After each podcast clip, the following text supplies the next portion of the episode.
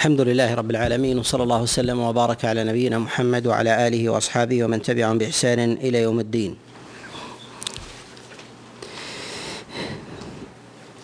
ما يتعلق بالكلام على مسألة الأئمة وكذلك أيضا الجهاد تتصل بالمجلس السابق وتكلمنا على شيء من المسائل المتعلقة بهذا بهذا الباب وتحدثنا على مسألة الخروج على الأئمة وتكلمنا أيضا على مسألة طاعتهم وذكرنا الطوائف المخالفة في ذلك وذكرنا أنها آه، أن هذه الطوائف آه، أربعة وذكرنا الفرق بينها ومدى بعدها عن الكتاب والسنة.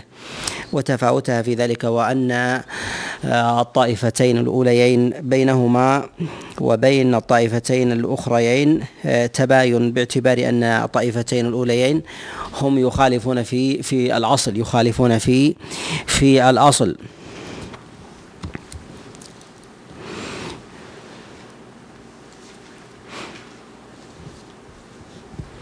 توقفنا عند ولا ننزع يدا ها؟ وأن يزيد من طاعة وأن الجهاد ماض ها؟ نعم هذا اليوم ها؟ طيب. يقول الرازيان وأن الجهاد ماض منذ بعث الله نبيه صلى الله عليه وسلم إلى قيام الساعة. نقول الأدلة في ذلك ظاهرة عن النبي عليه الصلاة والسلام في ديمومة الجهاد. ولهذا نجد أن علماء السنة يقرنون الجهاد بأركان الإسلام وأركان الإسلام من جهة التشريع دائمة. وأما من جهة العمل فهي تتفاوت بحسب مواقيتها.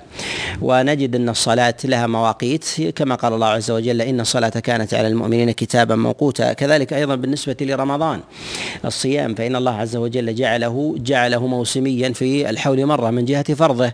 كذلك أيضا بالنسبة للزكاة كذلك أيضا كذلك أيضا بالنسبة للحج. وقرن الجهاد معها يعني أنه من جهة التشريع دائم. وقد يكون هناك في في يوم دون يوم أو في شهر دون شهر لكن من جهة التشريع ثابت. وذلك لعدم وجود المناسبة. إذا لم توجد المناسبة أو لم يقم الموجب فإن التشريع من جهة أصله باق لا يرفع ولكن من جهة الوجوب يختلف ذلك. ولهذا نجد أن أن الصلاة لها أوقات نهي ولها أوقات ولها أوقات وجوب ولها أوقات إباحة ولها أوقات فضل فهي تتباين وتختلف كذلك أيضا من جهه كذلك أيضا بالنسبة للجهاد. ولا يقول أحد برفعه لا يقول يقول أحد برفعه ولا بطول انقطاعه لأن طول انقطاعه يعني من ذلك يعني من ذلك تعطيله يعني يعني تعطيله. ولهذا نجد أن الأئمة يقرنونه وخاصة يقرنونه بالحج ويقرنونه بالحج كما قرنه الرازيان هنا. في موضعين. في الموضع الأول في قوله ونقيم فرض الجهاد والحج مع أئمة المسلمين وفي الموضع الثاني في الذي يليه قال آه، لا يبطله شيء والحج كذلك. والحج والحج كذلك. وإنما كان التشابه بين الجهاد والحج ذلك من وجوه متعددة. آه، أولها آه، أن الحج والجهاد يكون يكونان مع مع حاكم. لا يقوم الإنسان بمفرده بذلك غالبا وإنما يكون وإنما يكون مع حاكم ومع جماعة المسلمين. فإن الجهاد فإن الحج يكون في موسم ويتضافر عليه الناس بخلاف العمرة. العمرة يقوم الإنسان في أي وقت من ليل أو نهار من أي شهر آه، من السنة فإنه يؤديها ولا يجتمع مع الناس. وربما وربما ربما يؤدي الإنسان آه، عمرته وينتهي ويتحلل منها ولا يصادفه في ذلك عند ساعة تحلله أحد بينما الناس منهم من يستأنف ومنهم من انتهى وغير ذلك. فلهذا نقول إنها متعلقة بجماعة المسلمين ومتعلقة بإمامهم. آه، وهي وجه الشبه كذلك آه، في هذا أن الناس يتداعون إلى الجهاد كما يتداعى الناس إلى الحج في الموسم فإنهم يأتون من من كل فج عميق. كذلك أيضا عند قيام موجب الجهاد فإنهم يأتون ويردون إليه. وذلك لسد الثغور وحماية آه، حريم المسلمين وإجابة وإجابة دعوة من من استنصر بالمسلمين. وكان التشبيه في ذلك أن الأمر أمر جماعة. وكان اختلاف ذلك أيضا في الصلوات فإن الصلاة تجب على الإنسان في ذاته يؤدي حاضرا أو أو باديا آه، مقيما أو مسافرا. تؤدي المرأة في بيتها والجماعة في حيهم والرجل في سوقه وغير ذلك. وأما بالنسبة للجهاد فإنه يكون جماعة من جهة الأصل. وكلام في هنا في كلام العلماء يتكلمون على جهاد الطلب لا على جهاد الدفع. لا على جهاد آه، على جهاد الدفع باعتبار أن جهاد الدفع آه، مشروع عند عند كل صاحب فطرة سليمة يقر به عند كل صاحب فطرة سليمة يقر به. بل هو أيضا مما مما تقر به البهائم وهي ليست بذات بذات عقل أنها تدفع عن نفسها. وإنما المراد بذلك هو جهاد جهاد الطلب وجهاد الطلب ويخرج كذلك أيضا في مسألة الزكاة فإن الإنسان يؤديها عن نفسه ولا ولو لم يعلم بذلك أحد كذلك أيضا بالنسبة لصيام رمضان. أما بالنسبة للحج والجهاد فيها تشابه. ولهذا نجد أن النبي صلى الله عليه وسلم كان يبعث أمراء قبل حجته عليه الصلاة والسلام آه، مع الناس ليحجون وقد بعث أبا بكر عليه رضوان الله تعالى وأبا هريرة وعلي بن أبي طالب وأمرهم أن يؤذنوا في الناس الا يحج بعد هذا العام مشرك والا يطوف في البيت عريان والا يطوف في البيت عريان. اذا الأمر يتعلق اذا الأمر يتعلق بالجماعة يتعلق بأمر الجماعة ويتعلق أيضا بأميرهم. وذلك نجد أن الصحابة عليهم رضوان الله تعالى يقتدون بالأمراء من جهة من جهة الاجتماع والنفرة. فإن الأهلة يختلف الناس في ترائيها. والهلال هو ما اجتمع عليه المسلمون. فالوقوف في عرفة يجتمعون في ذلك عند رؤية الهلال ولهذا يجتمعون مع الإمام. يجتمعون مع مع الإمام ويدفعون معه ويستمعون أيضا إلى خطبته أو إلى خطبة نائبه. كما كان الصحابة عليهم رضوان الله تعالى يدفعون ويستمعون ويصلون وينفرون مع الأمراء ولو لم يكونوا من من الصحابة. كما كان يفعل ذلك جماعة كعبد الله بن عمر وعبد الله بن عباس وجابر بن عبد الله وغيرهم من أصحاب رسول الله صلى الله عليه وسلم. وهنا في آه، قوله قول الرازيين وأن الجهاد ماض منذ بعث الله نبيه صلى الله عليه وسلم إلى قيام الساعة. قد دل الدليل على هذا عن رسول الله صلى الله عليه وسلم في أحاديث كثيرة. منها ما هي صريحة ومنها ما يؤخذ ذلك بالمفهوم. آه، منها في قول النبي صلى الله عليه وسلم لا تزال طائفة من أمتي ظاهرين على الحق يقاتلون إلى قيام الساعة. وهذا الحديث قد أخرجه الإمام مسلم وقد أخرج معناه من غير ذكر القتال البخاري وترجم على على القتال البخاري ليدل على أن المراد بالمعنى بمعنى الظهور هو القتال. آه، قال باب آه، يقاتلون في سبيل الله قال وهم أهل العلم وهم أهل وهم أهل أهل العلم. يعني بذلك أنهم يقاتلون على علم على علم وبينة وحجة وبرهان فيعرفون مواضع القتال. وقد تقدم في كلام الرازيين آه، في قولهما ولا قال ولا القتال في الفتنة. فذكروا فذكروا القتال على نوعين والقتال الذي يكون في سبيل الله والقتال الذي في الفتنة وتقدم التفريق بينهما. التفريق بينهما. القتال الذي يكون في في سبيل الله هو القتال الذي يكون في قتال الكفار. في قتال الكفار و يكون في قتال الفئة الباغية من المسلمين الباغية من المسلمين. وأما ما كان القتال الفتنة هو ما اشتبه فيه الحق بالباطل وهو الذي يكون غالبا في القتال لأجل الدنيا كالقتال لأجل الولايات أو لحظ الدنيا من مال أو مكاسب أو جاه ونحو ذلك. فإن هذا من قتال الفتنة آه، فإنهم يمسكون عن ذلك. ولو دعا إليه الإمام ولهذا نجد أن الصحابة عليهم رضوان الله تعالى امتنعوا عن بعض أنواع الجهاد آه، أو بعض أنواع القتال. القتال الذي يدعو إليه بعض الخلفاء باعتبار أنه قتال على الملك كما جاء عن عبد الله بن عمر في صحيح البخاري.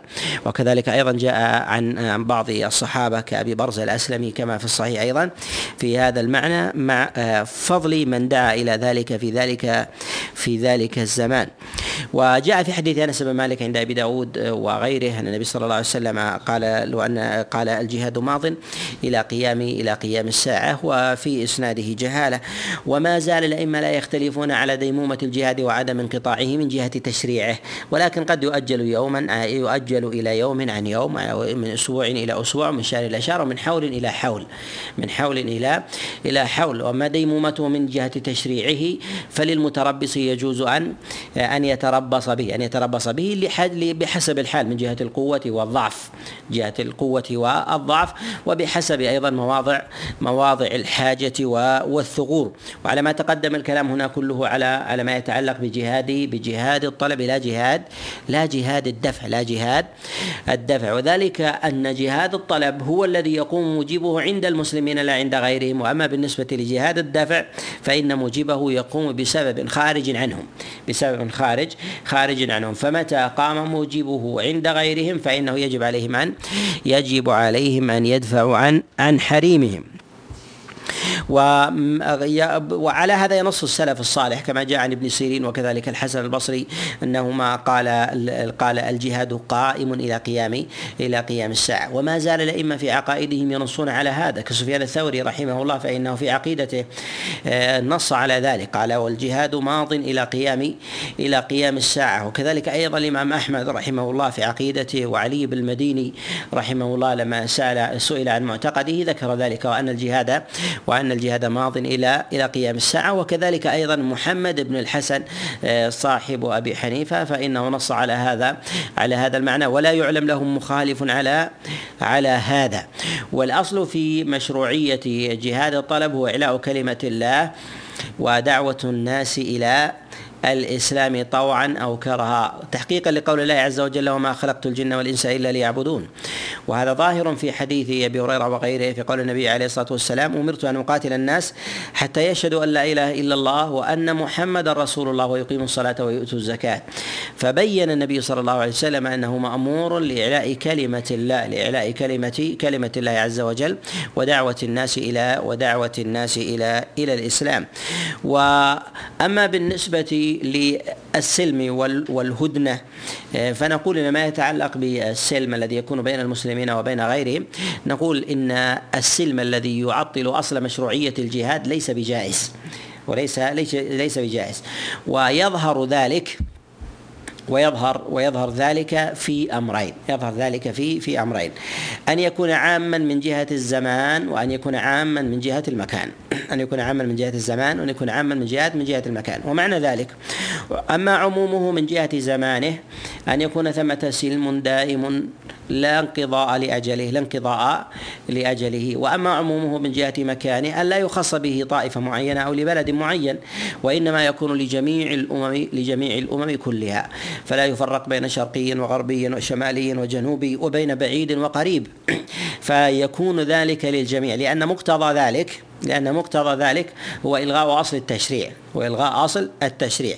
وأما إذا كان السلم لجهة معينة لجهة لجهة معينة كأن يختل أحد آه، هاتين العمومين من جهة الزمان والمكان حينئذ نقول هذا لا يناقض الأصل لا يناقض لا يناقض الأصل فالحكم فيه يرجع في ذلك إلى حاجة المسلمين إلى حاجة المسلمين من جهة القوة والضعف. فإذا أراد المسلمون أن يسالموا جهة معينة من جهة قوتها أو يرون أن قوتها شديدة وأنها تفتح ثغرا على المسلمين ويحتاجون ولم يستطيعوا أن يسالموا إلى أجل فاحتاجوا إلى المسالمة إلى إلى غير إلى غير أجل. ولكنها من جهة معينة لا من جهة لا من جميع الجهات لا من جهات لا من جميع الجهات. فلهم حينئذ في ذلك. وإذا كان لهم آه، قدرة وشوكة بعد ذلك لهم أن ينبضوا إليهم ذلك ذلك العهد وينبئون وينبئوهم بنقضهم له ويجعلوا بينهم وبينهم بينهم أجلا. آه، أجلا. فإن هذا من الأمور فإن هذا من الأمور التي لا بأس لا بأس بها. آه، وكذلك أيضا بالنسبة لما كان لجميع الجهات ما كان لجميع لجميع الجهات. فإذا كان لجميع الجهات ولكنه لزمن معلوم. لكنه لزمن معلوم. فهل يجوز ذلك أم لا؟ نقول يجوز هذا. يقول هذا نقول هذا يجوز لأنه لا يخالف مقتضى الأصل. لا يخالف مقتضى الأصل. فإن الأصل جاء بديمومه بديمومة الجهات فإذا جاء جاء السلم إلى جميع الجهات ولكنه إلى أمد معلوم جاز. جاز حينئذ ويكون ذلك من جهة آه، الزمان بحسب مصلحة المسلمين. كان يجعل السلم لستة أشهر أو لسنة أو لسنتين أو لثلاث سنوات لكنه إلى آه، إلى الجميع لأنه لا ينقض ذلك الأصل لا ينقض ذلك ذلك الأصل. وإذا كان لفرد معين ولكنه من جهة الزمان مطلق وهو مفتوح لغيرها حينئذ يقال بعدم إلغائه بعدم بعدم إلغائه وهو دائم وهذا يحكم في ذلك بحسب مصلحة مصالح المسلمين بحسب مصالح مصالح المسلمين ومن جهة قوتهم وضعفهم وكذلك أيضا قوة عدوهم وشوكته. وهنا في قول الرازيين مع أولي الأمر من أئمة المسلمين لا يبطله شيء والحج كذلك. وهنا ذكر آه، ولاة أمور المسلمين تقدم الكلام معنا على هذا هذا المعنى وهذه الدلالة. وفي قوله في قول الرازيين مع أولي الأمر من أئمة المسلمين لا يبطله شيء والحج كذلك. يعني أنه لا ينقضه خلل يقع أو جور جائر يقع فيه حاكم من حكام المسلمين. ولا كذلك أيضا فرقة تكون بين المسلمين وذلك لأن الخلاف لأن الجهاد وسببه رفع الشرك و وإعلاء الإسلام. وإعلاء الإسلام والنزاع الذي يكون بين المسلمين إنما هو دون ذلك. كذلك أيضا فإن الحاكم المسلم الجائر إذا وقع في شيء من الجور والظلم والبغي آه، فإن ظلمه وجوره وبغيه يكون يكون بين المسلمين يكون بين المسلمين. ومحل قتاله للكفار وهو في موضع آخر؟ لأنه بين إسلام وكفر وذاك بين بين معصية وطاعة بين معصية وطاعة. ثم إذا لم يطع في آه، في جهاد الكفار فإن في ذلك تسليطا للكفار على حريم المؤمنين على حريم على حريم المؤمنين. آه، فإنه يقاتل يقاتل معه على ذلك. وعلى هذا يجمع المسلمون جميعا. من السلف الصالح ولا يختلف في ذلك في ذلك في ذلك أحد من السلف. وقد جاء عن غير واحد أنه ذم وتبديع من يقول بخلاف بخلاف هذا في عدم القتال مع أئمة الجور أئمة الجور من المسلمين في قتال الكافرين. ولهذا لما قيل لإبراهيم النخعي إن اقواما يقولون بعدم القتال مع بني أمية لما أظهروا فقال تلك نزغة من الشيطان يريد أن يصدهم عن الجهاد في سبيل الله عن الجهاد في في سبيل الله وقول آه، قال والحج كذلك قال والحج والحج كذلك. الحج على ما تقدم في تشبيه الرازيين لو آه، ذكرنا في ذلك آه، شيئا من الوجوه. وذلك أن أنهما يريدان أن يؤكدا أن الجهاد كالحج شريعة باقية دائمة باقية باقية دائمة. ولا يقال بارتفاعها. ولا يقال حينئذ بارتفاعها ولا بزوالها في أي آه، في آه، آه، في أي عام من من الأعوام. وثم يقول الرازيان ودفع الصدقات من السوائم إلى أولي الأمر من أئمة المسلمين. وهنا في هذا التعبير الدقيق من الرازيين في ذكر السوائم إلى أولي الأمر من المسلمين. كأن الرازيين يفرقان بين بين ما كان من من الأموال الظاهرة والأموال الباطنة. نقول الأموال على نوعين. الأموال على نوعين. النوع الأول هي الأموال الظاهرة وهي ما كان من الزروع والثمار ومن السوائم. من بهيمة الأنعام من الإبل والبقر والغنم. فإن هذه من الأموال الظاهرة. فإن هذه من الأموال الظاهرة. النوع الثاني هي الأموال الباطنة. الأموال الباطنة ما يكنزه الإنسان من النقدين أو كان ذلك أيضا من المال الذي آه، من عروض التجارة التي التي لا تظهر. عروض التجارة التي التي لا تظهر. وذلك كمتاجرة الإنسان مثلا بالحلي ونحو ذلك فإن هذا فإن هذا يعد من من الأموال الباطنة. ويلحق في ذلك أيضا في هذا الزمن المتأخر الأموال الباطنة من جهة النقدين في الحسابات البنكية كذلك أيضا في الأسهم وغير ذلك باعتبار أنها أموال باطنة. وأما الأموال الظاهرة فهي المتاجر وعروض التجارة سواء كان ذلك في في العقارات الظاهرة أو أو عروض التجارة كالسيارات والسلع. وكذلك أيضا ما كان معروفا آه، ومحل اتفاق عند العلماء وذلك من السوائم أو كان ذلك من الزروع والثمار. بالنسبة للنوع الأول ما يتعلق بالأموال الظاهرة هي التي كان النبي صلى الله عليه وسلم يقصدها بالجباية. هي التي كان النبي يقصدها بالجباية. وما كان النبي ولا الخلفاء يقصدون النوع الثاني باستخراج ما ما, ما لدى الإنسان مما يبطنون من أموالهم. مما يبطنون من آه، أموالهم وإنما الكلام على ما ظهر من تلك الأموال على ما ظهر من تلك آه، الأموال. فيبعثون عمالهم لأخذ الزكاة لأخذ الزكاة. وهذا يدل عليه جملة من الأدلة آه، مثلا في حديث معاذ وكذلك أيضا في كتاب أبي بكر فرائض الزكاة وكذلك أيضا في كتاب عمر إلى أبي موسى وغيره من الكتب التي تدل على التفريق بين الأموال الظاهرة والباطنة. بين الأموال الظاهرة والباطنة. يتفق العلماء على بعض المسائل ويختلفون على بعض. يتفقون على أن الحاكم العادل إذا أمر وطلب الأموال زكاة الأموال الظاهرة والباطنة أن الزكاة تدفع إليه ظاهرة وباطنة إذا طلبها لأنه أعلم الناس بمواضعها لأنه أعلم الناس بمواضعها وحاجتها. لا يختلفون في ذلك إذا كان الحاكم عادلا. إذا كان الحاكم عادلا فإنها تدفع تدفع إليه.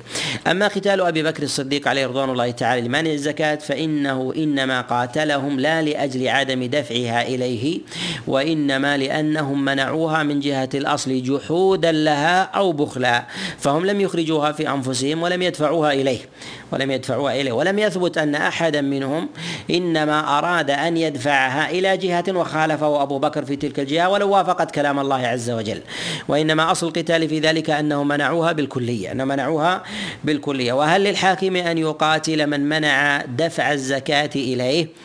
مع إقراره بها وأراد أن يتولى أمرها بدفعه لها في مواضع الحاجة مواضع الحاجة. نقول إن إن الأمر على حالين. الحالة الأولى إذا كان إذا كان في زمن غنى وحاجة وعدم حاجة الدولة فليس له أن يقاتل. ليس له أن يقاتل ولا يجوز له ذلك ولا يجوز له له ذلك. وهذا الخطاب يتوجه إليه. أما بالنسبة للناس فلهم أن يدفعوا إذا إذا أرادهم على ذلك إذا أرادهم على إذا أرادهم على ذلك.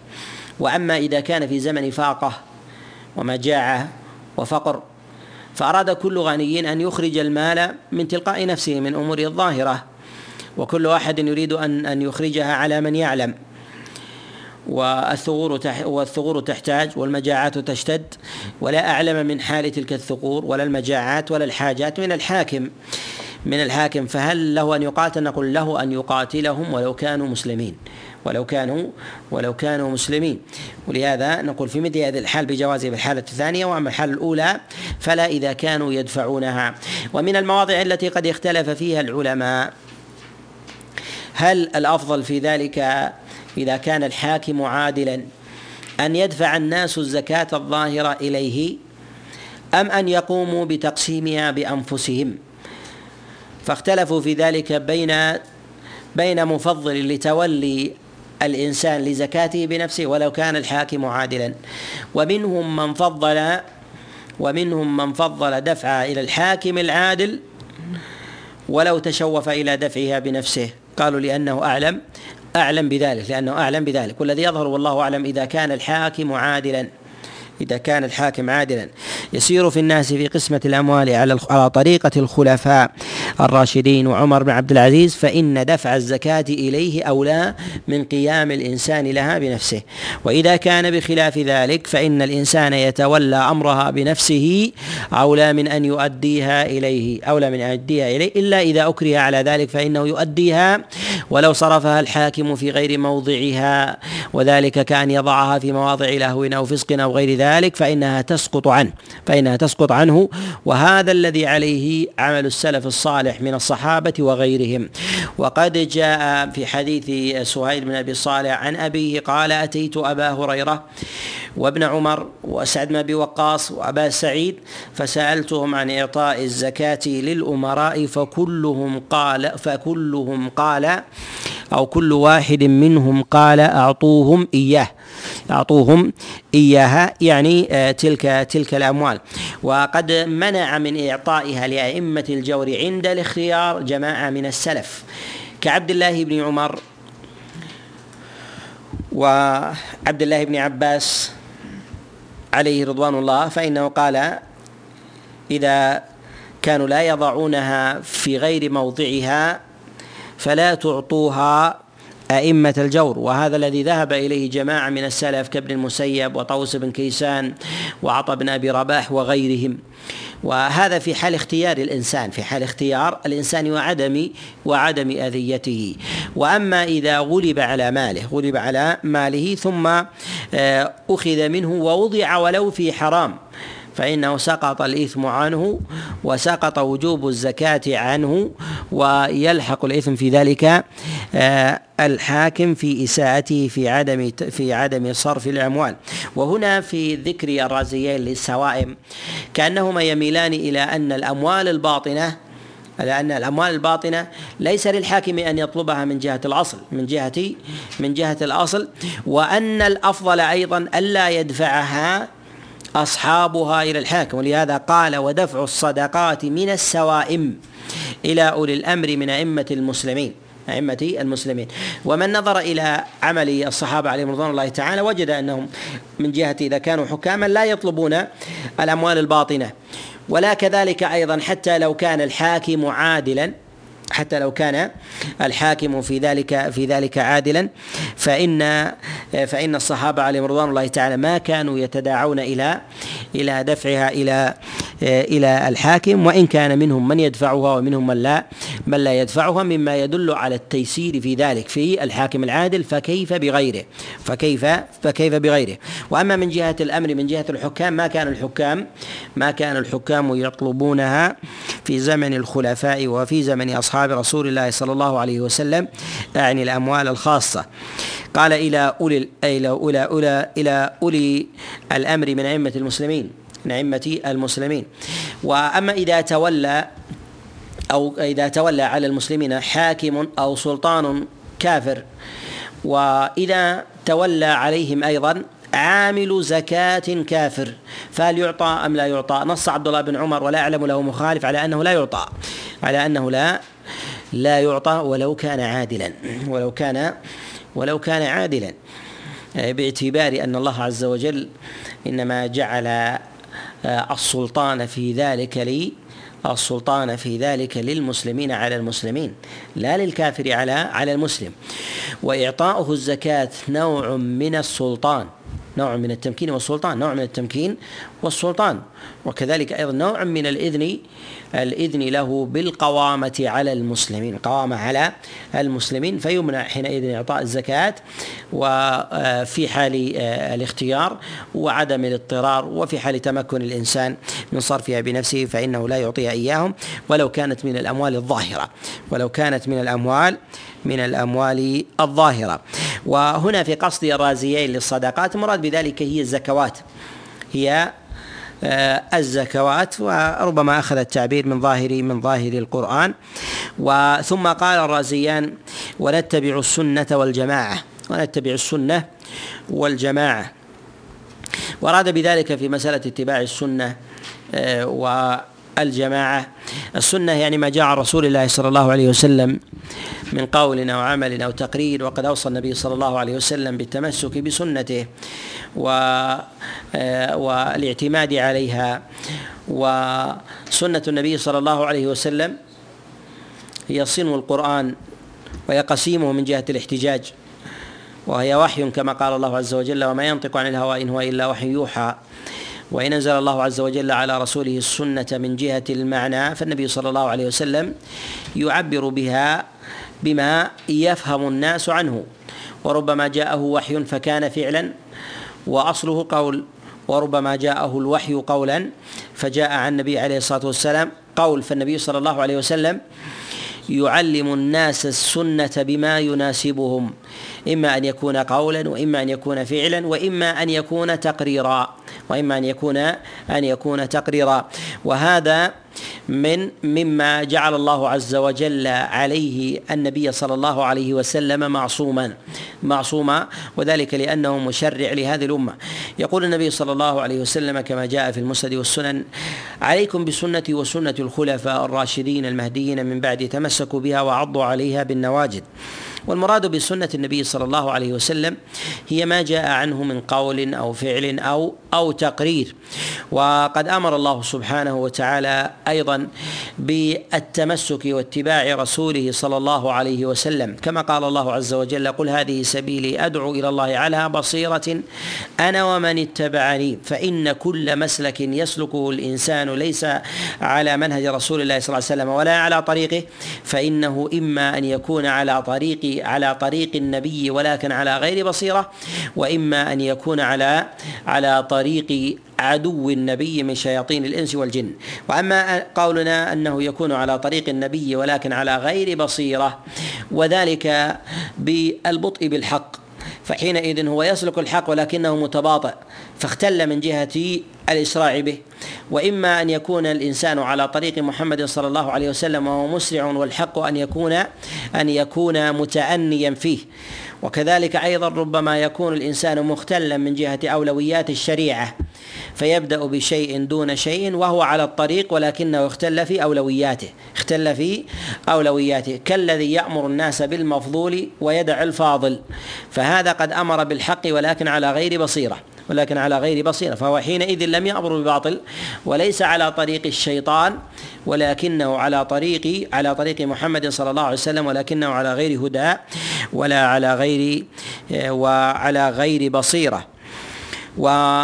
والله سبحانه وتعالى يسمي سنة النبي صلى الله عليه وسلم في كتابه الحكمة. وهذه في عند كل نبي من أنبيائه جل وعلا. فما كان من نبي من أنبيائه من قوله أو فعله أو تقريره من التشريع الذي ينفرد به النبي في قول أو فعل أو تقرير فإن هذا من الحكمة.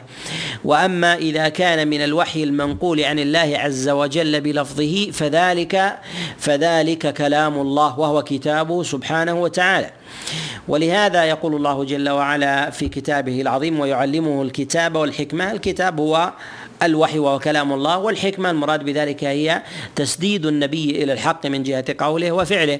ولهذا يقول الله جل وعلا يؤتي الحكمة من يشاء ومن يؤتى الحكمة فقد أوتي خيرا كثيرا. والمراد بالحكمة هي سنة النبي صلى الله عليه وسلم. وكلما كان الإنسان أكثر استيعابا لسنة النبي فإنه أكثر سدادا وتوفيقا وإلهاما ورشادا وإلهاما ورشادا. وهذا من جهة آه، الإجمال ولكن ينبغي ينبغي أن نشير إلى شيء من التفصيل أن الدلالة إلى المنصوص الظاهر البين سنة النبي عليه الصلاة والسلام هذا من الأمور المعلومة ولكن ما لا ينص عليه ما لا ينص ما لا ينص عليه من السنة. كيف للإنسان أن يهتدي إليها؟ وليست بمنصوصة. نقول إن النبي صلى الله عليه وسلم قد ذكر أدلة ظاهرة تدل عليه وذكر قرائن ترشد إلى إلى القرب منه إلى القرب منه وإن لم تكن قاطعة بالدلالة عليه بالدلالة عليه. ولهذا نجد أن النبي صلى الله عليه وسلم أرشد إلى الاقتداء بهدي الخلفاء الراشدين. وهدي الخلفاء الراشدين إن اجتمعوا فهو سنة لا محالة. فهو سنة لا محالة لأن مثلهم في قربهم من النبي عليه الصلاة والسلام وما فيهم من كمال الديانة والصديقية والولاية لا يمكن أن يخرجوا عنه. بل إن أبا بكر وعمر لا يمكن أن يخرج أن يقول بقول يجتمعان عليه ويكون ويكون غير سنة ويكون غير غير سنة. بل إن أبا بكر الصديق عليه رضوان الله تعالى لا يحفظ له قول يصح عنه خالف فيه سنة النبي صلى الله عليه وسلم سنة النبي صلى الله عليه وسلم ولكن لا نقول بعصمته ولكن لا نقول لا نقول بعصمته. وإذا اجتمع الخلفاء الراشدون عليهم رضوان الله على قول جاء عن رسول الله صلى الله عليه وسلم فإنه سنة نقطع به. ثم ما كان في قول يوجد فيه أبو بكر. فإذا وجد أبو بكر ولو وجد معه ولو وجد معه من تأخر من الخلفاء كعلي بن أبي طالب فإنه يقدم على قول يقوله عمر وعثمان. وإذا